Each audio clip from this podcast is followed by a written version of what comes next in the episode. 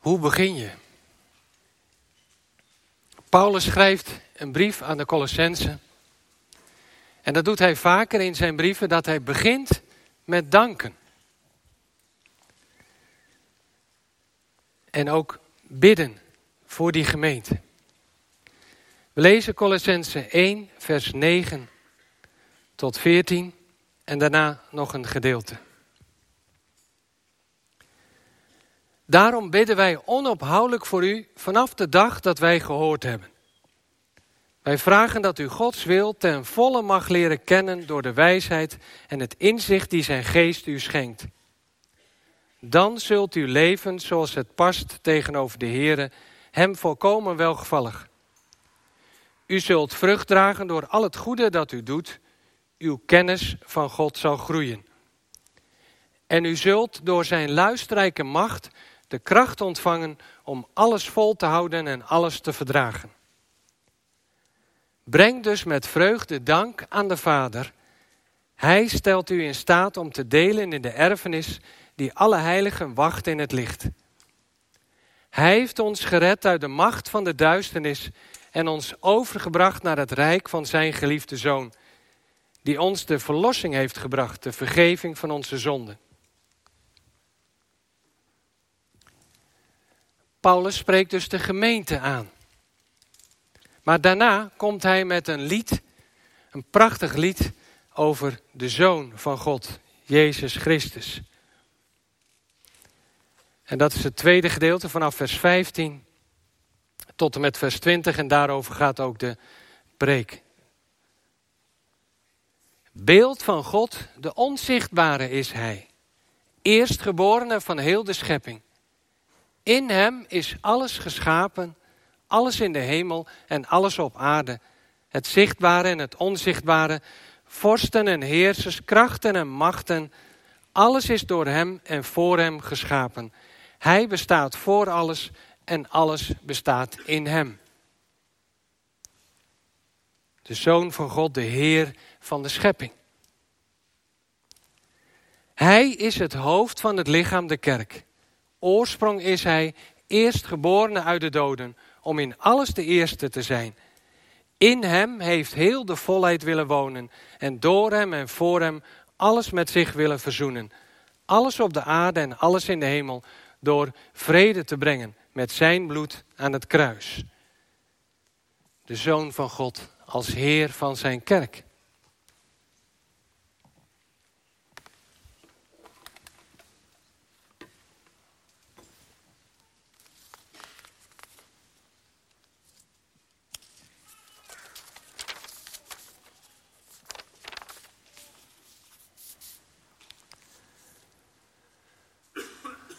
Broers en zussen, jongens en meisjes.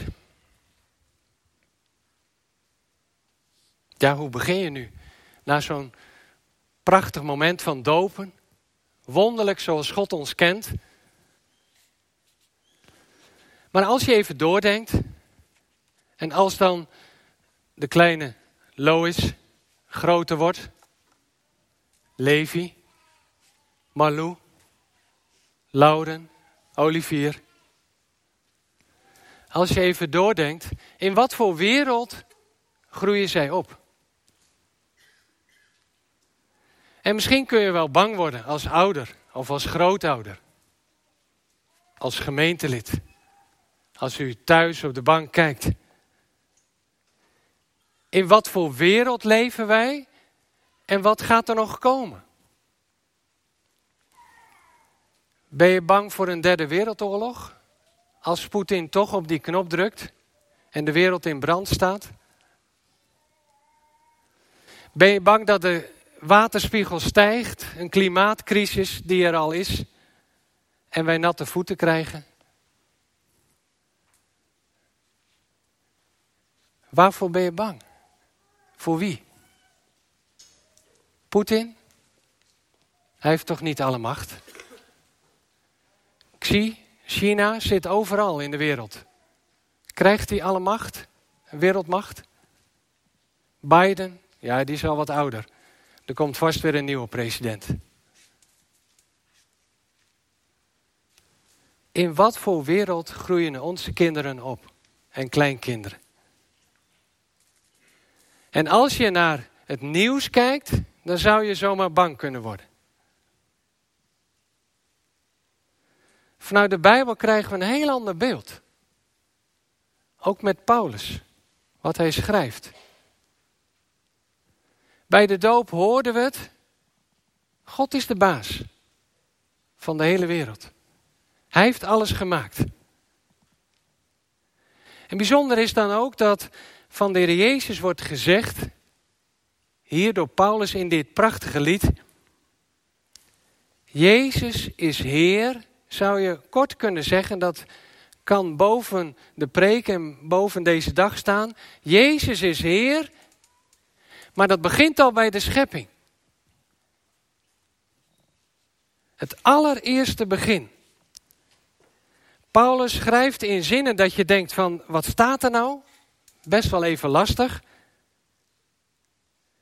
In hem is alles geschapen. Nou, laten we even bij het begin beginnen. Hij is het beeld van God, de zoon die op de Vader lijkt. De onzichtbare. We konden hem nog niet zien. God liet zichzelf zien pas in de schepping, maar hij was er al. God is de eerste.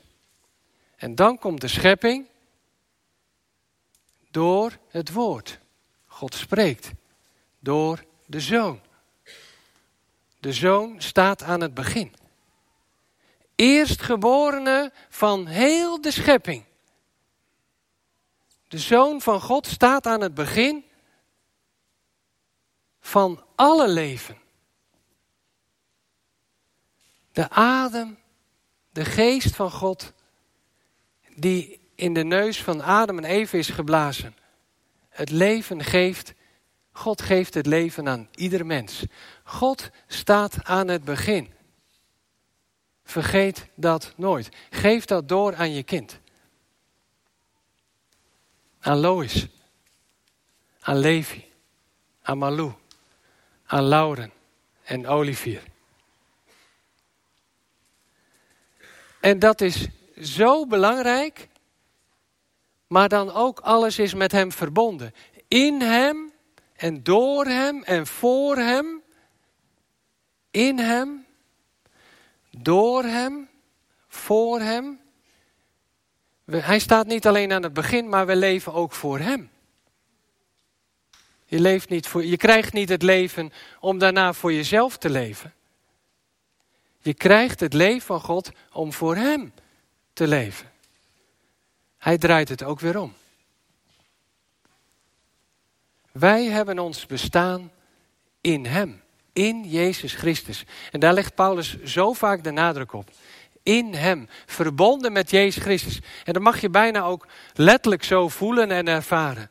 Verbonden, net als in de doop. Twee namen, Gods naam en de naam van je kind, aan elkaar verbonden.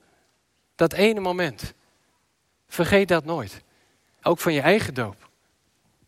God, die machtige God aan het begin van de schepping, verbindt zich aan jouw leven, zodat jij in Hem helemaal met Hem verbonden bent. Jezus is de Heer bij de schepping. En dan komen we, gaat Paulus een stap verder, komt hij dichter bij ons. Hij is ook de Heer van zijn kerk. De Heer Jezus kiest mensen uit vanaf het allereerste begin. Zijn grote wereldwijde kerk. Een massa mensen die straks niet te tellen is. Hij is het hoofd van het lichaam, de kerk. Oorsprong is hij, hij is het begin. Maar hij is ook niet alleen de eerstgeborene van de schepping, maar ook de eerstgeborene uit de dood de dood. De schepping was toch zo mooi? Maar de dood is in de wereld gekomen. En alle ellende. En alle armoede. En onrechtvaardigheid. En alles wat er misgaat in de wereld. Vanaf na dat eerste begin. Maar de dood, als je geboren wordt, dan weet je, ik zal een keer moeten sterven. Dat klinkt hard om het zo in een doopdienst te zeggen. Maar dat is ons leven. Wij zijn kwetsbare mensen. Je wordt geboren, je leeft en je sterft. Maar die dood heeft niet het laatste woord. Want de Heer Jezus stierf aan dat kruis voor ons. Hij ging door dat graf heen. Hij stond op als eerste uit de dood in dat nieuwe leven. Hij is de eerstgeborene van de schepping en de eerstgeborene van de doden. En als we, ik nu moet sterven, ik hou het even bij mezelf. Dan is de dood, heeft niet het laatste woord. De deur gaat niet dicht, maar de deur gaat open. Want het is een deur naar het eeuwige leven. Prachtig in zondag 16 van de catechismus. Het leven dat je krijgt vanaf het allereerste begin, de schepping, maar ook vanaf jouw eerste begin, dat leven met God gaat door. Gaat zelfs door de dood heen. Omdat de Heer Jezus is opgestaan. Hij leeft. Hij zit in de hemel. Hij heeft alle macht. Eerst geboren uit de dood om in alles de eerste te zijn.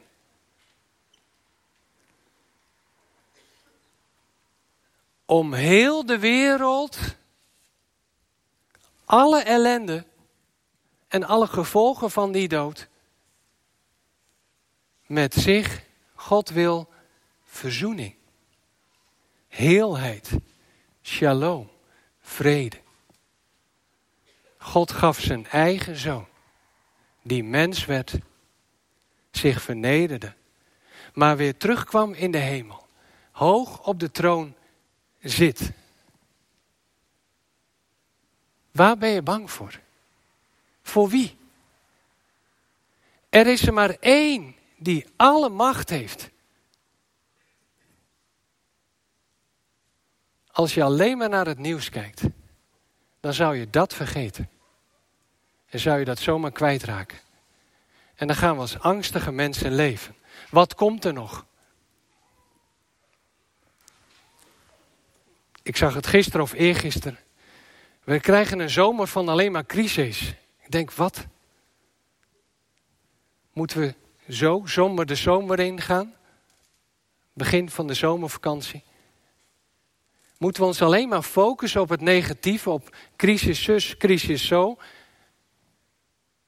Juist hier in de kerk krijgen we het nieuwe leven, nieuwe energie en een nieuw uitzicht. Een nieuw perspectief, nieuwe hoop. Want er is één die leeft en alle macht heeft. En hij regeert, niet Poetin, niet Biden, niet president Xi van China, of waar je ook maar bang voor zou kunnen zijn.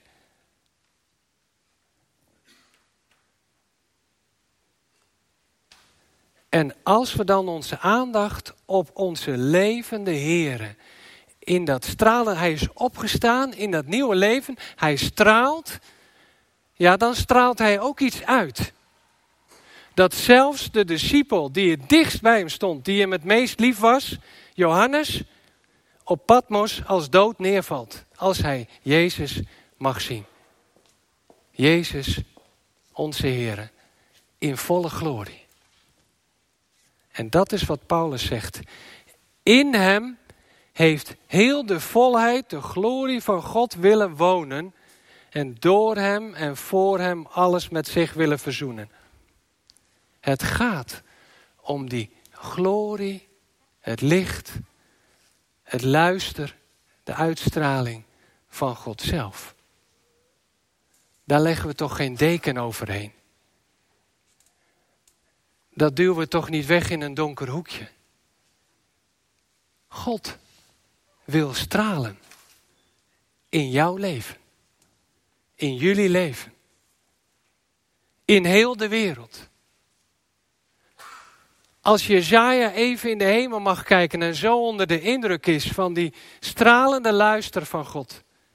Als Johannes omhoog mag kijken, ook in de hemel, en geen woorden heeft om God te omschrijven. Hij stamelt.